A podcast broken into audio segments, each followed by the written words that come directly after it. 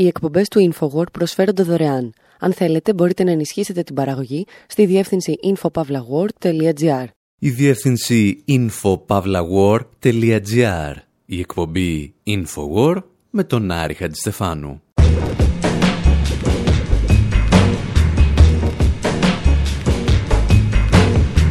όπου σήμερα ξεκινάμε, όπως και κάθε χρόνο, την ετήσια ανασκόπηση της χρονιάς που πέρασε. Τουλάχιστον όπως την αντιληφθήκαμε εμείς, στο Infowar. Στη σημερινή πρώτη εκπομπή ακούμε τραγούδια για κάποιους ανθρώπους που μας άφησαν μόνους να παλεύουμε με τα θηρία. Μας έμαθαν όμως πώς να χρησιμοποιούμε τα όπλα με τα οποία μπορούμε να τα νικήσουμε. Παρακολουθούμε τον Ρόμπερτ Φίσκ να παίζει μπάλα στο γήπεδο της Μέσης Ανατολής και τον Διέγκο Μαραντόνα να γράφει ιστορία στη Νότια Αμερική. Δίνουμε ένα όπλο στον Λουίς Σεπούλβεδα και τον τοποθετούμε στην προσωπική φρουρά του Προέδρου Αλιέντε. Ακούμε και πάλι τραγούδια για τον Τουτς Χίμπερτ και τον Ένιο Μορικόνε, ενώ αφήνουμε τον Αστέριξ και τη Μαφάλντα να αποχαιρετούν τον Γιώργο Δελαστίκ. Ξεκινάμε όμως με δύο κουβέντες που είπαμε φέτος για την πολιτική καρδιά του Διέγκο Αρμάντο Μαραντόνα.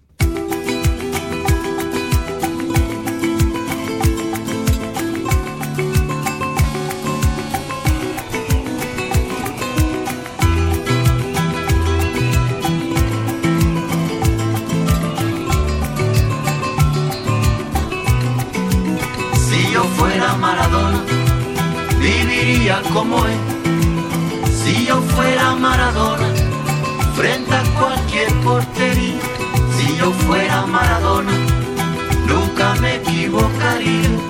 Si yo fuera Maradona, perdido en cualquier lugar, la vida es una tómbola, de noche y de día. La vida es una tómbola, y arriba y arriba, la vida es una tómbola de noche y de día. La vida es una tómbola, y arriba y arriba. Si yo fuera Maradona, viviría como él.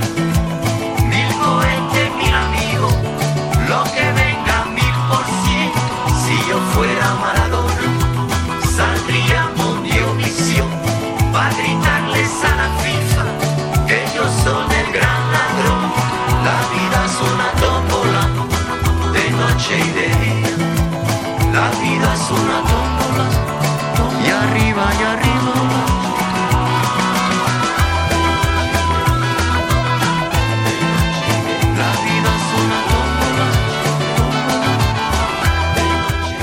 Αν ήμουν ο Μαραντόνα, τραγουδά ο Μανουτσάο, θα ζούσα σαν αυτόν. Με χίλια πυροτεχνήματα, με χίλιους φίλους και μια ζωή στο 1000%. Viviría como él. Θα πήγαινα όμως και στη FIFA να τους πω ότι είναι οι μεγαλύτεροι απατεώνες που υπάρχουν.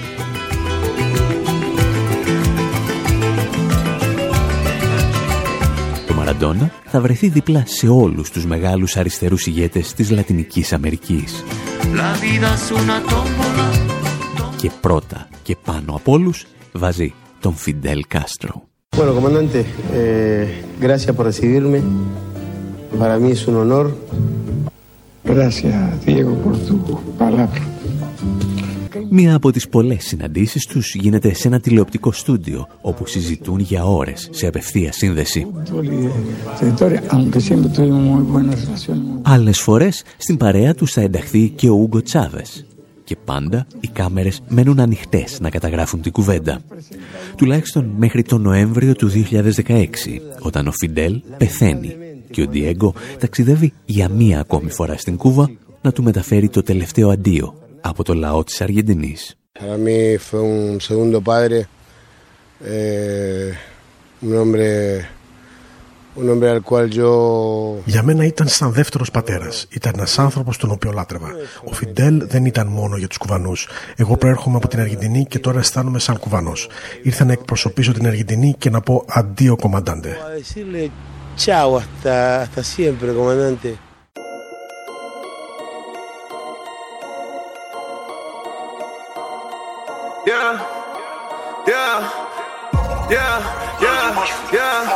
Season that's my season باردة ولا سخونة نحنا الجوتو نحنا الريزن باش رابيتو نتوما اساطير وماهوش ايزي كان نسيتو شكونا عشنا رجال وعنا بيبول في keep balling like a Maradona Maradona money calling like a Maradona Maradona bitch is calling like a Maradona Maradona bitch I'm balling like a Maradona Maradona I keep balling like a Maradona Maradona bitch is falling like a Maradona Maradona I keep balling like a Maradona Maradona الكرة في ساقي أرماندو في ال 15 بديت باركوري أيوتو جابا دباندو Για την ιστορία, το κομμάτι που ακούτε τραγουδούν ο τινήσιος ράπερ ALA μαζί με τον συνάδελφό του που φέρει το όνομα El Castro. Για την ιστορία επίσης να σας πούμε ότι ο ALA είχε προταθεί να λάβει το βραβείο Ζαχάροφ του Ευρωπαϊκού Κοινοβουλίου λόγω των διώξεων που είχε υποστεί στην πατρίδα του. Την τελευταία στιγμή όμως η πρόταση αποσύρθηκε όταν έγιναν γνωστά σχόλια που είχε κάνει για τα εγκλήματα του κράτους του Ισραήλ στη λωρίδα της Γάζας. Και ο Μαραντόνα, που είχε δηλώσει ότι στην καρδιά του ήταν πάντα Παλαιστίνιος, μάλλον θα ήταν υπερήφανος που ο ALA δεν πήρε το βραβείο Ζαχάροφ. Ειδικά όταν αυτό απονεμήθηκε στη δεξιά αντιπολίτευση της Βενεζουέλας για τις συνεχείς προσπάθειες ανατροπής της νόμιμης κυβέρνησης της χώρας. Δεν το διατύπωσαν ακριβώς έτσι, αλλά αυτό ακριβώς εννοούσαν. Πριν από μερικά χρόνια μάλιστα ο Μαραντόνα πιάστηκε μεταφορικά στα χέρια με τον Ενερικέ Καπρίλες, έναν εκ των αρχηγών της δεξιάς αντιπολίτευσης στη Βενεζουέλα.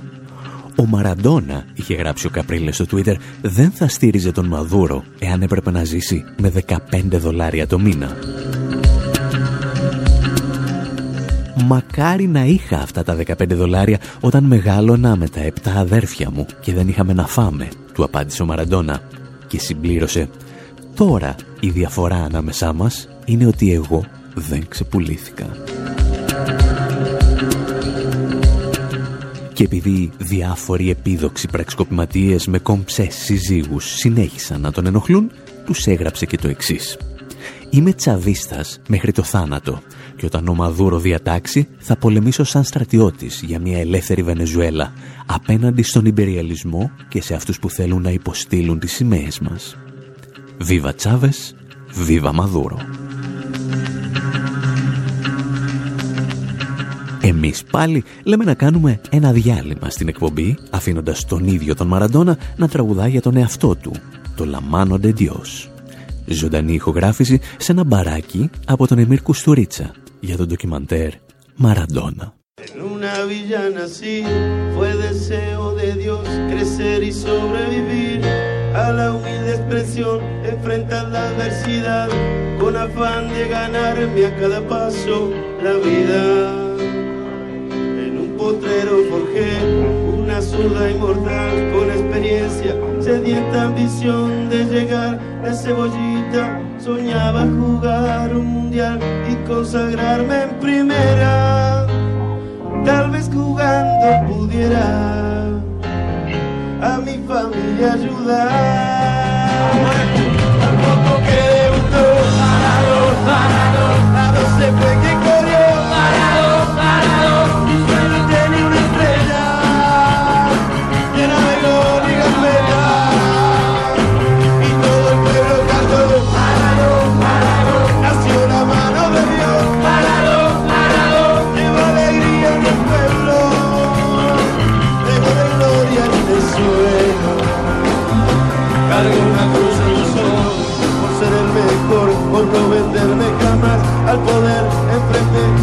curiosa debilidad. Si Jesús tropezó, porque no había de hacerlo yo. Mamá me presentó una blanca mujer de misterioso sabor y prohibido placer.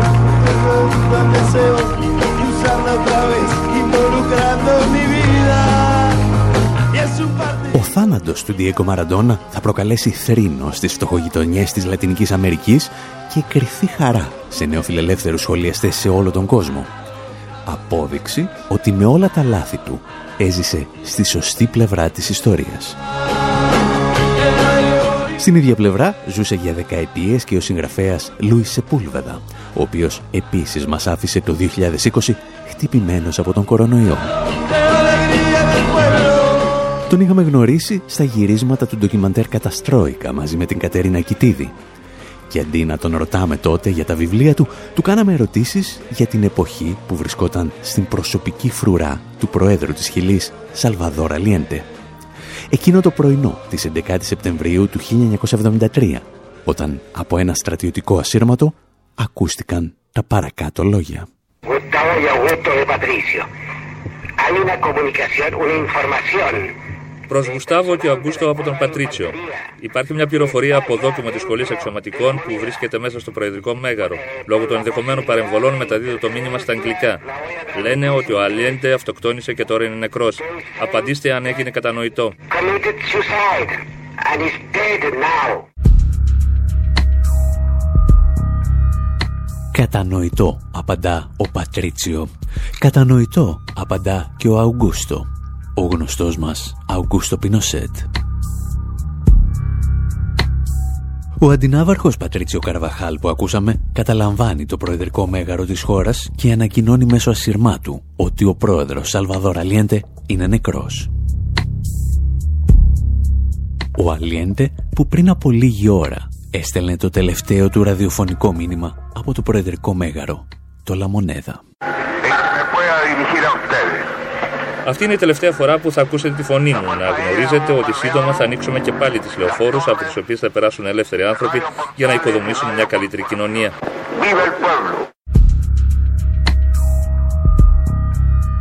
Το τι ακριβώς συνέβη εκείνη την 11η Σεπτεμβρίου του 1973 στο Προεδρικό Μέγαρο της Χιλής παρέμενε για δεκαετίες αντικείμενο σφοδρών αντιπαραθέσεων. Όσοι είχαν δει τον πρόεδρο Αλιέντε να κυκλοφορεί στο προεδρικό μέγαρο με ένα καλάσνικο στα χέρια δεν μπορούσαν να δεχθούν την επίσημη εκδοχή ότι αυτοκτόνησε.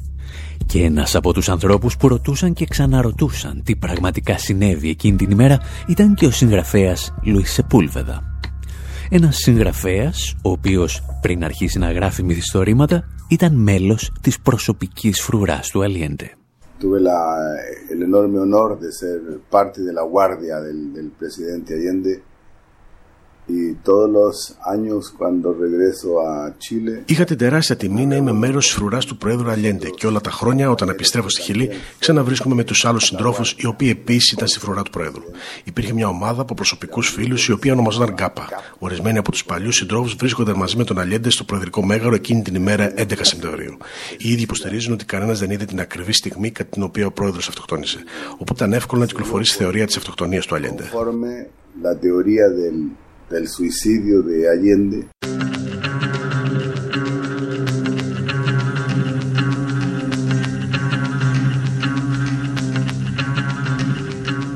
Ο Λούις Σεπούλβεδα ήταν ένας από τους ανθρώπους που έζησαν από κοντά ορισμένες από τις σημαντικότερες στιγμές στη σύγχρονη ιστορία της Λατινικής Αμερικής. Το 2020 όμως χάσαμε και έναν άνθρωπο που είχε σαν επάγγελμα να καταγράφει τέτοιου είδους ιστορίες. Τον πολεμικό ανταποκριτή Ρόμπερτ Φίσκ. Από τις δεκάδες ιστορίες που διηγηθήκαμε για αυτόν στο Infowar, σκεφτήκαμε να θυμηθούμε την μεγάλη του σύγκρουση με το αφεντικό του, τον μεγιστάνα των μέσων ενημέρωσης, Ρούμπερτ Μέρντοχ.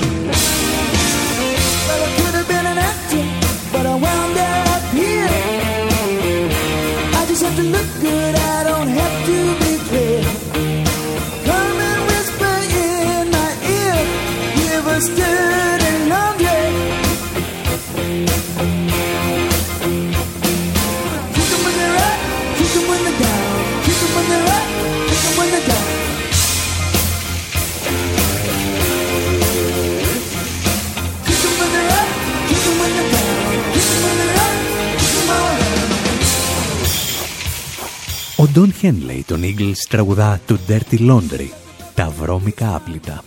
Ένα τραγούδι για το βρώμικο ρόλο των μέσων ενημέρωσης. Και εμείς επιλέξαμε τη συγκεκριμένη ζωντανή ηχογράφηση για έναν πολύ συγκεκριμένο λόγο. Γιατί κάθε φορά που ο Χένλεϊ λέει το τραγούδι σε κάποια συναυλία, το αφιερώνει στον μεγιστάνα των μέσων ενημέρωσης, Ρούμπερτ Μέρντο.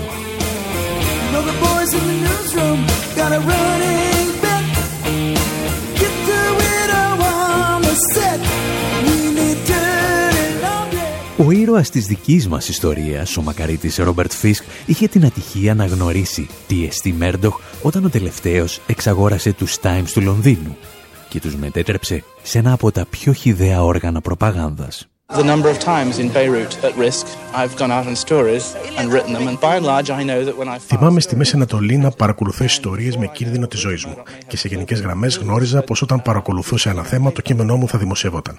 Όταν εντάχθηκα στο δυναμικό των Times, τύπωναν τα κείμενά μου χωρίς να τα αγγίζουν. Όταν η εφημερίδα πέρασε στον έλεγχο του Μέρτοχ, υποσχέθηκε ότι δεν πρόκειται να αλλάξει τίποτα και δεν θα επηρεάζει την πολιτική της εφημερίδας. Φυσικά έκανε το αντίθετο. Οι τίτλοι στα κείμενά μου άρχισαν να έχουν άποψη για το περιεχόμενο. Συχνά ερχόντουσαν σε σύγκρουση με αυτά που εγώ ήθελα να πω στο κείμενο.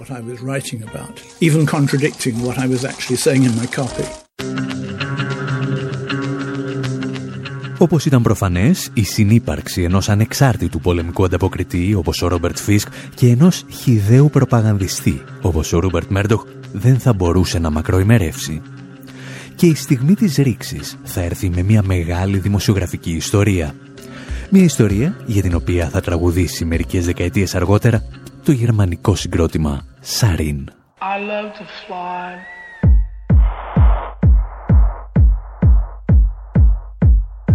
It's just you alone, you've peace and quiet, nothing around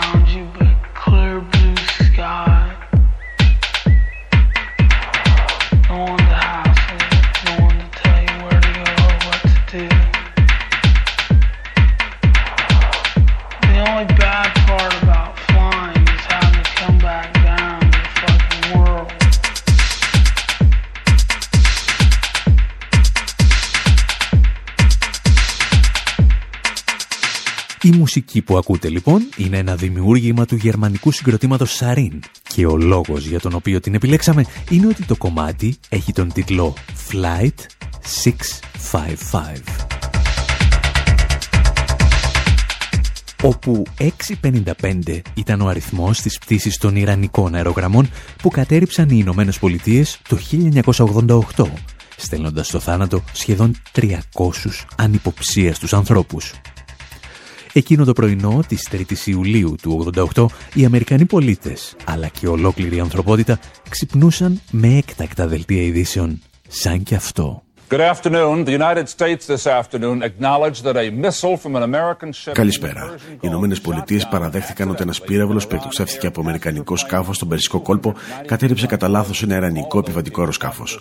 Οι 290 επιβαίνοντες πιστεύετε ότι είναι νεκροί. Στο Πεντάγωνο, ο ναύαρχος William Crow, αρχηγός Γενικού Επιτελείου Ενόπλων Δυνάμεων, ανέφερε ότι ο πύραυλος προήλθε από το αμερικανικό καταδρομικό USS Vincennes, το οποίο πίστευε ότι δέχεται επίθεση από ένα ιρανικό μαχητικό F-14.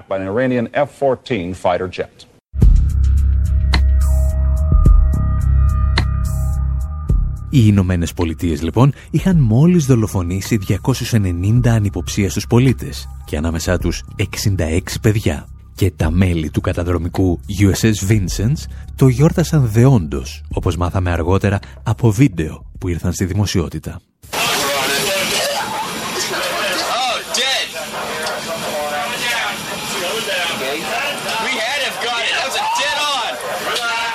Εκείνες τις ημέρες ο Ρόμπερτ Φίσκ ταξιδεύει στην περιοχή και αποδεικνύει ότι η κατάρριψη του αεροσκάφους έγινε σκόπιμα, ενώ οι Αμερικανικές δυνάμεις δεν δέχονταν κανενός είδους απειλή.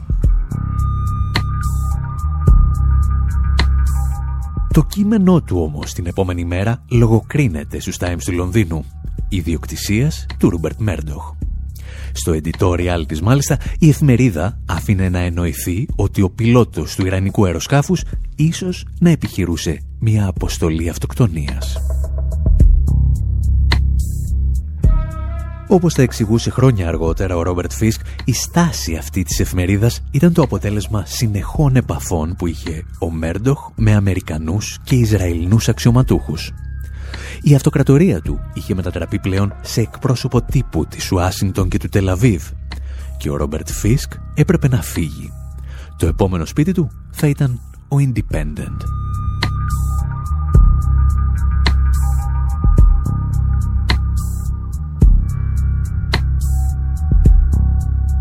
Ο Ρόμπερτ Φίσκ θα συνεχίσει να πληρώνει σε όλη την καριέρα του το γεγονός ότι απλώς έκανε τη δουλειά του. Ότι μετέφερε δηλαδή στους αναγνώστες του αυτά που έβλεπε στα πεδία των μαχών. Και σε αυτή τη μάχη δεν είχε απέναντί του μόνο τους Μέρντοχ και τους εκάστοτε αρχισυντάκτες του, αλλά και ένα τμήμα των αναγνωστών του όλους αυτούς που προσπαθούν να μας πείσουν ότι δεν πρέπει να βλέπουμε τις εικόνες από την φρίκη του πολέμου γιατί εθιζόμαστε, λέει, και σταδιακά χάνουμε την ενσυναίσθησή μας για τα θύματα. Δηλαδή, το έμπαθι. Ο Φίσκ από την πλευρά του, που δεν μεγάλωσε σε ένα καναπέ, αλλά στα πεδία των σκληρότερων μαχών του 20ου αιώνα, πίστευε ότι ποτέ δεν μπορείς να συνηθίσεις τις εικόνες του πολέμου για την ακρίβεια, πίστευε πως η δουλειά του ήταν να μας πετά στα μούτρα αυτές τις εικόνες, ενώ απολαμβάνουμε το μεσημεριανό μας.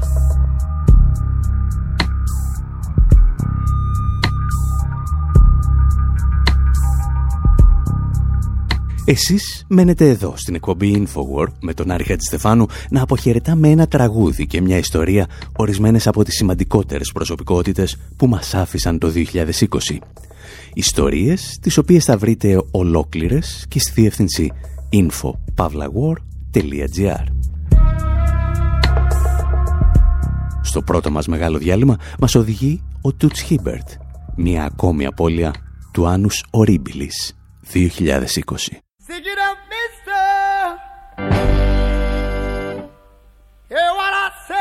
Yeah. no, no, no, no, yeah. Get your hands in the air, sir. Woo, yeah. Then you will get no hurt, mister. No, no, no. I said yeah. I said yeah. What they say. What they say.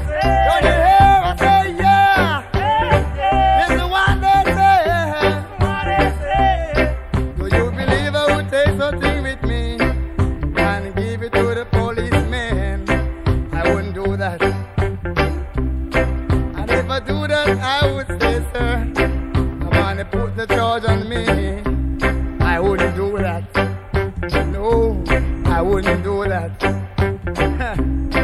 I'm not a fool to hurt myself. So I was innocent what they done to me. They was wrong.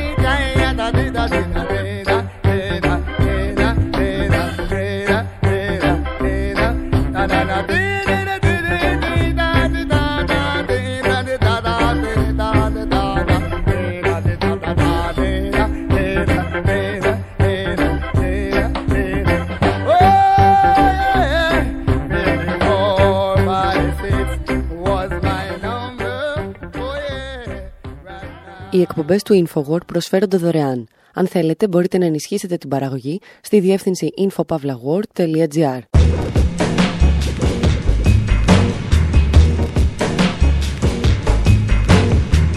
Εκπομπή InfoWord, μέρος δεύτερο. Όπου, όπως κάθε χρόνο, συνοψίζουμε τις ιστορίες που διηγηθήκαμε στην χρονιά που πέρασε. Και αυτή τη φορά ξεκινήσαμε λέγοντας αντίο σε μερικούς ανθρώπους που μας έμαθαν να σκεφτόμαστε διαφορετικά. Και ένας από τους μεγάλους που μας άφησαν το 2020 ήταν και ο Ένιο Μωρικόνε.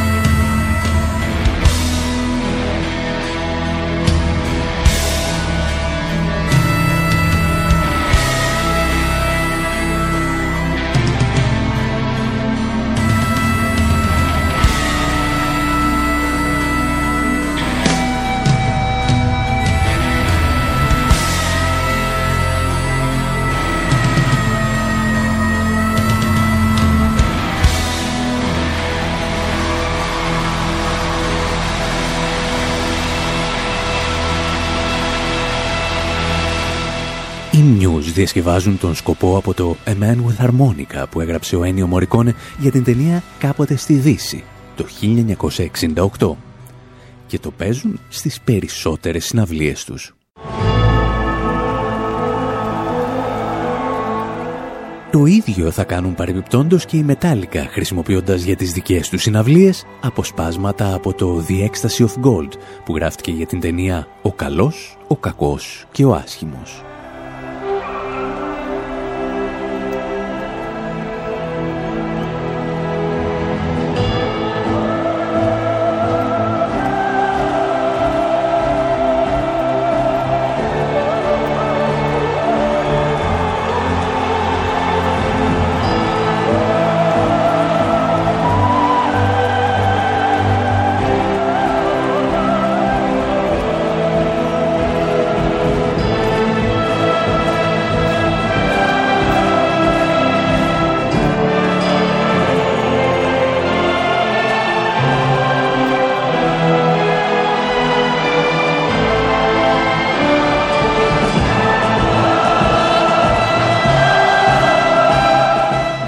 Συγκροτήματα λοιπόν από τους Muse και τους Metallica μέχρι τους Radiohead θα εμπνευστούν από συνθέσεις του Ennio Morricone, ο οποίος μας άφησε στις 6 Ιουλίου του 2020.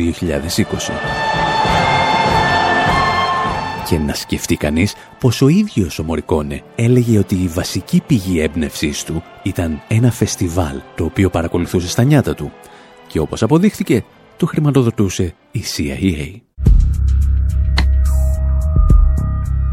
Όπως εξηγούμε και στη στήλη του Infowars στην εφημερίδα των συντακτών, ο Μωρικόνε δήλωνε πως κατάλαβε τι σημαίνει να γράφει σύγχρονη μουσική από τα μαθήματα που έλαβε στο ετήσιο φεστιβάλ του Darmstadt, μια πόλη στο κρατήδιο της Έσης, στη Γερμανία.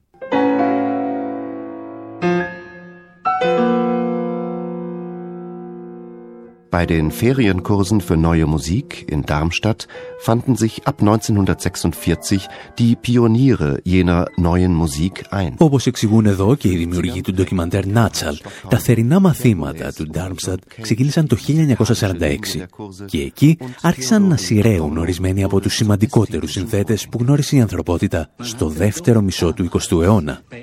Και ανάμεσά τους βρισκόταν και ο Ένιο Μωρικόνε. Αυτό που κατά πάσα πιθανότητα δεν γνώριζε ο ίδιος και κανένας από τους συμφοιτητές του είναι ότι το συγκεκριμένο πρόγραμμα χρηματοδοτούνταν απευθείας από τη CIA. Ήταν ένα από τα μυστικά προγράμματα που είχαν δημιουργήσει οι Ηνωμένες Πολιτείες για να κερδίσουν τον πολιτισμικό ψυχρό πόλεμο με τη Σοβιετική Ένωση και ενίοτε να στρατολογούν και κανέναν πράκτορα.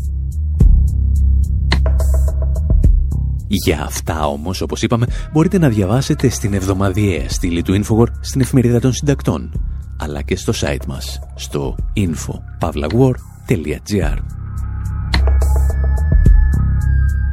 Προς το παρόν, το μόνο που χρειάζεται να συγκρατήσετε είναι πως σε ό,τι αφορά τον Μωρικόνε, το πρόγραμμα της CIA απέτυχε παταγωδός γιατί ο Ένιο άρχισε να γράφει μουσική για ταινίες που σήμερα θεωρούνται εκ των όνου κάνευ εργαλεία για κάθε κομμουνιστή και αναρχικό συνεφίλ.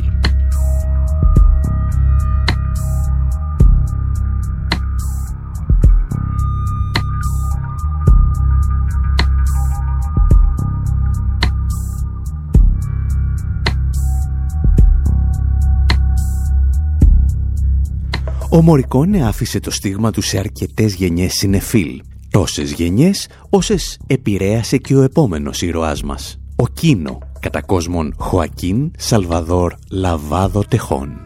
Δημιουργός της Μαφάλντα, που επίσης μας άφησε το 2020. Και αυτή είναι η ιστορία τους.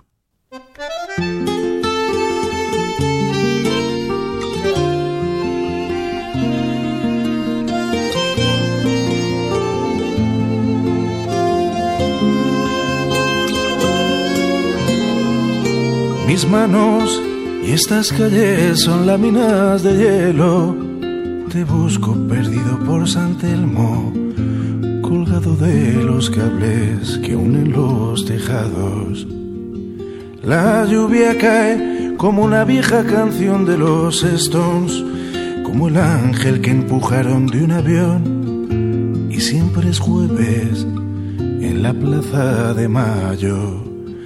Te busco tras el vaho de un cristal del colectivo y en la cena los malvados de mis amigos me preguntan una y otra vez por ti y caen los rostros Αυτό ήταν ίσως το μέγιστο χρονικό διάστημα στο οποίο αντέχουμε να ακούσουμε το τραγούδι του Ισμαήλ Σεράνο από την Αργεντινή. Απόδειξη ότι ακόμη και αν έχεις τις καλύτερες πολιτικές προθέσεις, αν είσαι βαρετός τραγουδοποιός, καλύτερα να ασχοληθείς με κάτι άλλο. Γιατί, σε αντίθεση με τη μουσική, οι στίχοι του Σεράνο έχουν πραγματικά ενδιαφέρον. Γράφτηκαν για την κοινωνική εξέγερση του 2001, όταν η Αργεντινή αποφάσισε ότι δεν μπορεί να ανεχτεί άλλο την πολιτική του Διεθνούς Νομισματικού Ταμείου, το οποίο διέλυε την οικονομία της. Ανάμεσα σε άλλα, ο Σεράνο τραγουδάει και για τις μητέρες της Πλάζα Ντεμάγιο, που εδώ και δεκαετίες συγκεντρώνονται κάθε πέμπτη, αναζητώντας εξηγήσεις για τα παιδιά τους, που εξαφανίστηκαν στα χρόνια της δικτατορίας. Και ύστερα, ο Σεράνο τραγουδάει και για τη Μαφάλντα και τις απόψεις της για τον πυρηνικό πόλεμο.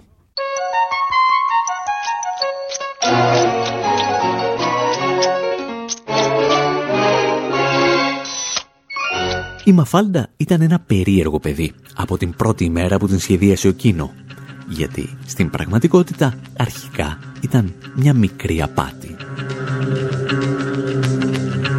Όπως ίσως θα διαβάσατε σε δεκάδες κείμενα που γράφτηκαν για το θάνατο του δημιουργού της, το συγκεκριμένο σκίτσο δημιουργήθηκε κατ' εντολή μιας διαφημιστικής εταιρείας Συγκεκριμένα, οι διαφημιστές της εταιρείας Siam Ditella ήθελαν να περνάνε στο κοινό κρυφά μηνύματα για τα προϊόντα τους μέσα από τις ιστορίες του κοινού.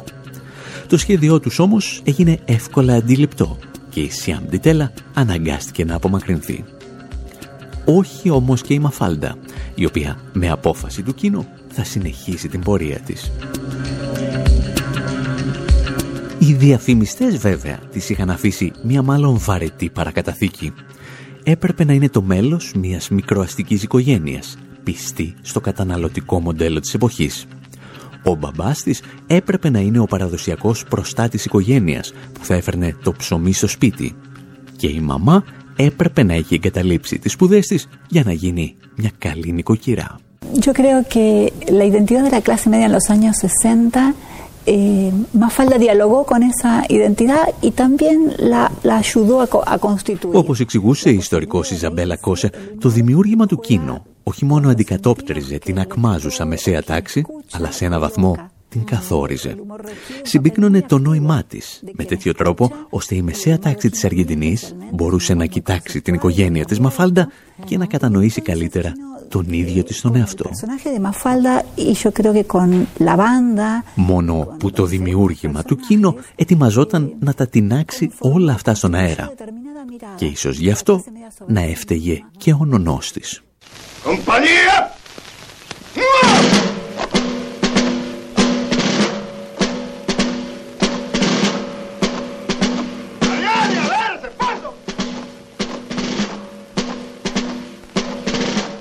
Η Μαφάλντα θα πάρει το όνομά της από ένα μωρό που εμφανίζεται για λίγα μόνο λεπτά στην ταινία «Dar la Cara», αποσπάσματα της οποίας ακούμε εδώ.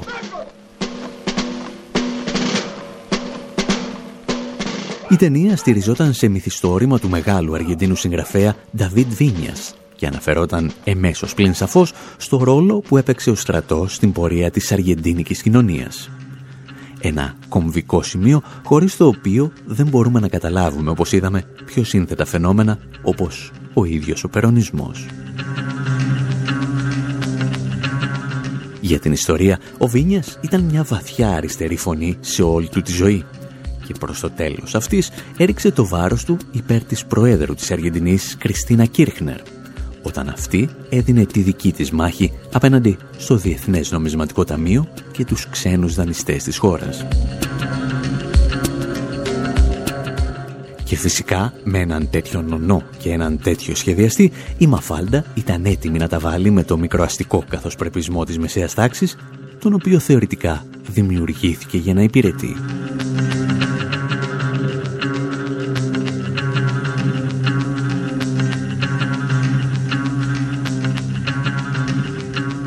Η Μαφάλντα δεν μπορεί αναγκαστικά να χαρακτηριστεί αριστερή με τη στενή έννοια του όρου. Ο καλύτερος ίσως όρος που την περιγράφει είναι ανυπότακτη. Ανυπότακτη σαν γαλατικό χωριό. Το γαλατικό χωριό που φέτος έχασε έναν από τους γονείς του, τον Αλμπέρου Ντερζό.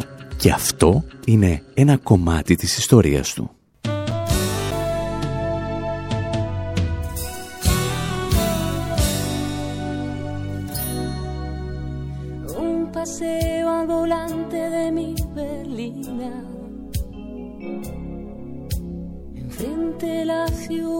Junto a mi Janina.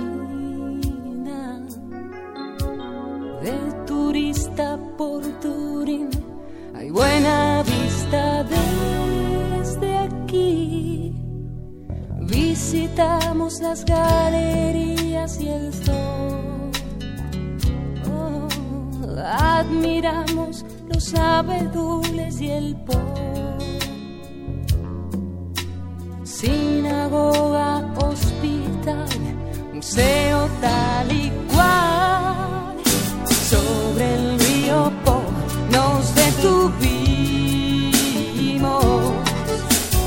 para contemplar sus remolinos.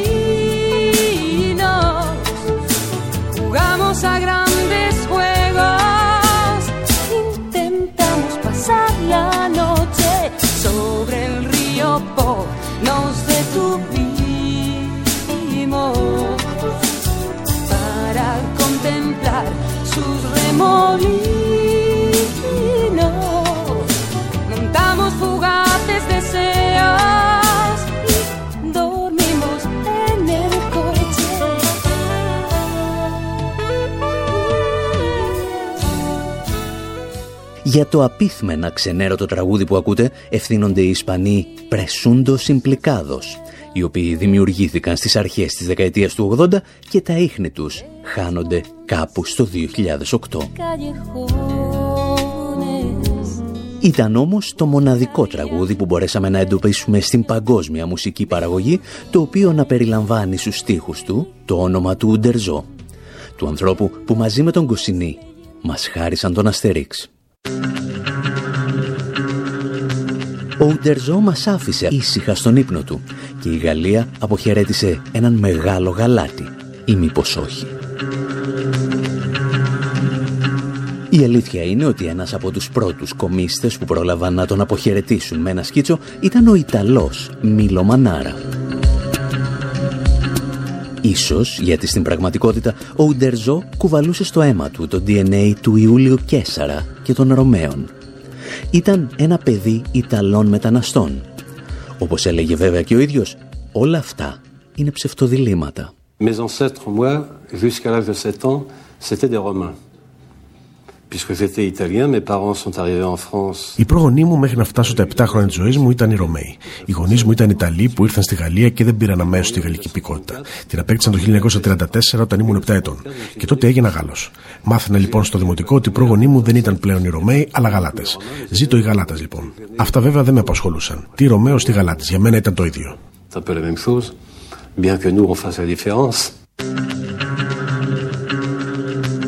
Δυστυχώς δεν ήταν το ίδιο και για τους συμμαθητές του Ντερζό, οι οποίοι τον αντιμετώπιζαν ρατσιστικά σαν έναν ξένο στη χώρα τους.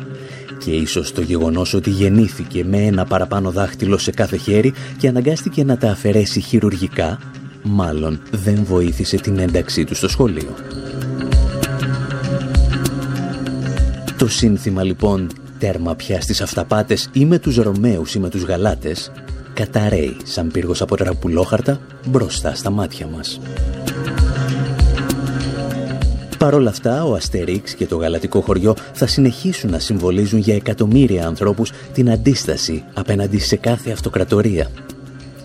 Ίσως γιατί οι δημιουργοί τους συνέλαβαν την ιδέα του ανυπότακτου γαλατικού χωριού όταν η Γαλλία προσπαθούσε να υψώσει το ανάστημά της απέναντι στην αυτοκρατορία της εποχής μας, τις Ηνωμένες Πολιτείες.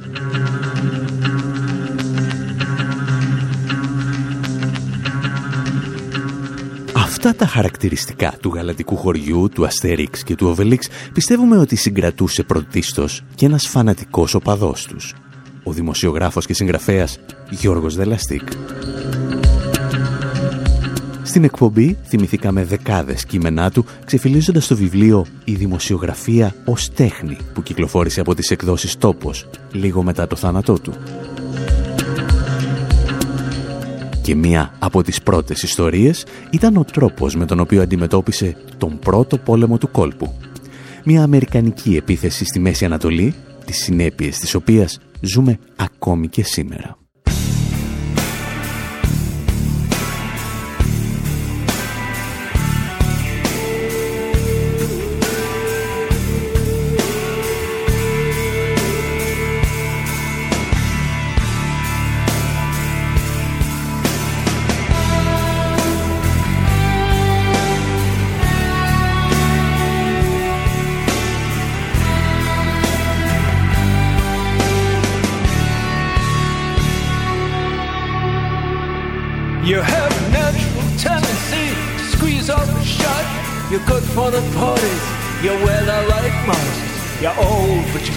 right and left in the locker room.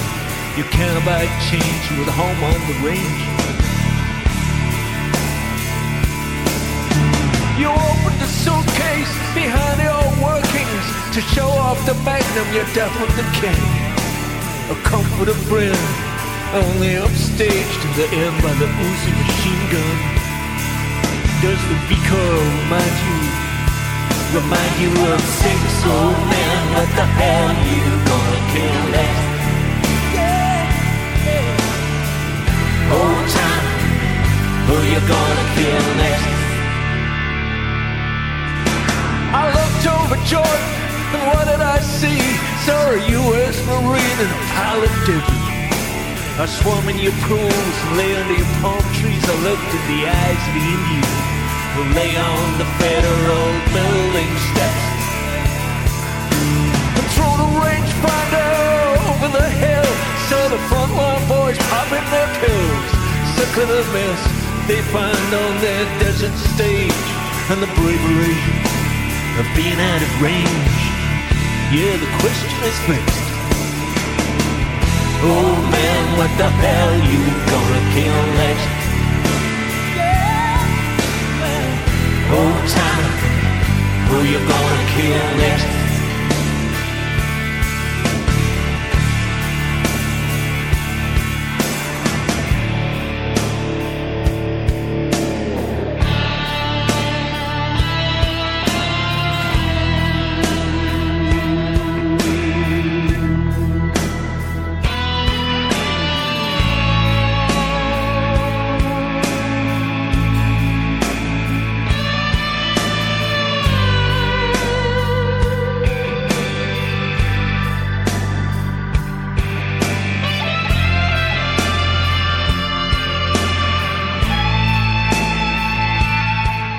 Ο Ρότζερ Waters τραγουδά για τον πρώτο πόλεμο του Περσικού κόλπου.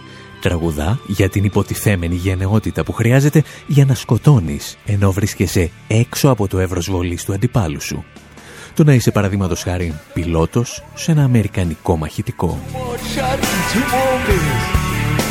Μια ανάλογη ιστορία διηγούνταν και ο Γιώργος Ζελαστίκ το Φεβρουάριο του 1991 σε κείμενό του με τίτλο «Άρη και Κατσαρίδες».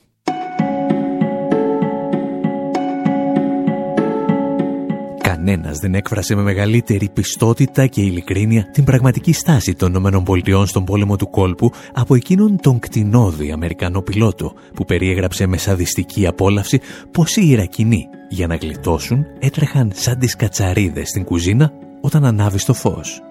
Οι κατσαρίδες λοιπόν δεν πρόλαβαν να τρέξουν μακριά από εκείνο το καταφύγιο της Βαγδάτης. Κάπου 400 από αυτές, ανάμεσά τους 150 κατσαριδάκια, παιδιά και έφηβοι του Ιράκ απανθρακώθηκαν από τον Αμερικανικό πύραυλο.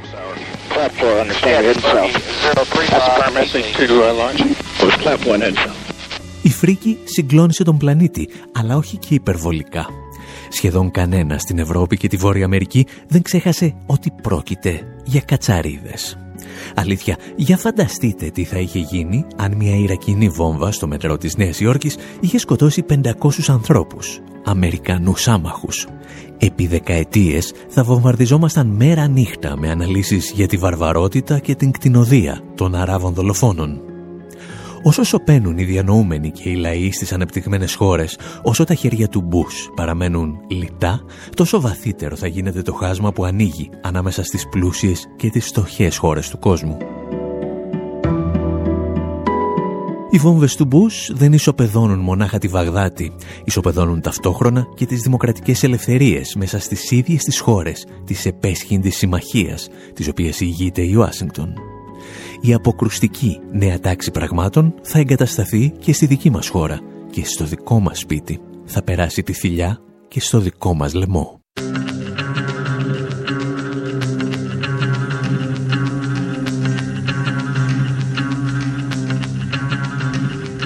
Κάπου εδώ όμως θα σας αφήσουμε κι εμείς και για αυτή την εβδομάδα η ανασκόπηση των σημαντικότερων γεγονότων της χρονιάς που φεύγει θα συνεχιστεί και στην επόμενη εκπομπή. Μέχρι τότε όμως μπορείτε να βρείτε όλες τις ιστορίες που διηγούμαστε και στη διεύθυνση info.pavlawar.gr Από τον Άρη Χαντιστεφάνου στο μικρόφωνο και τον Δημήτρη Σταθόπουλο στην τεχνική επιμέλεια, γεια σας και χαρά σας.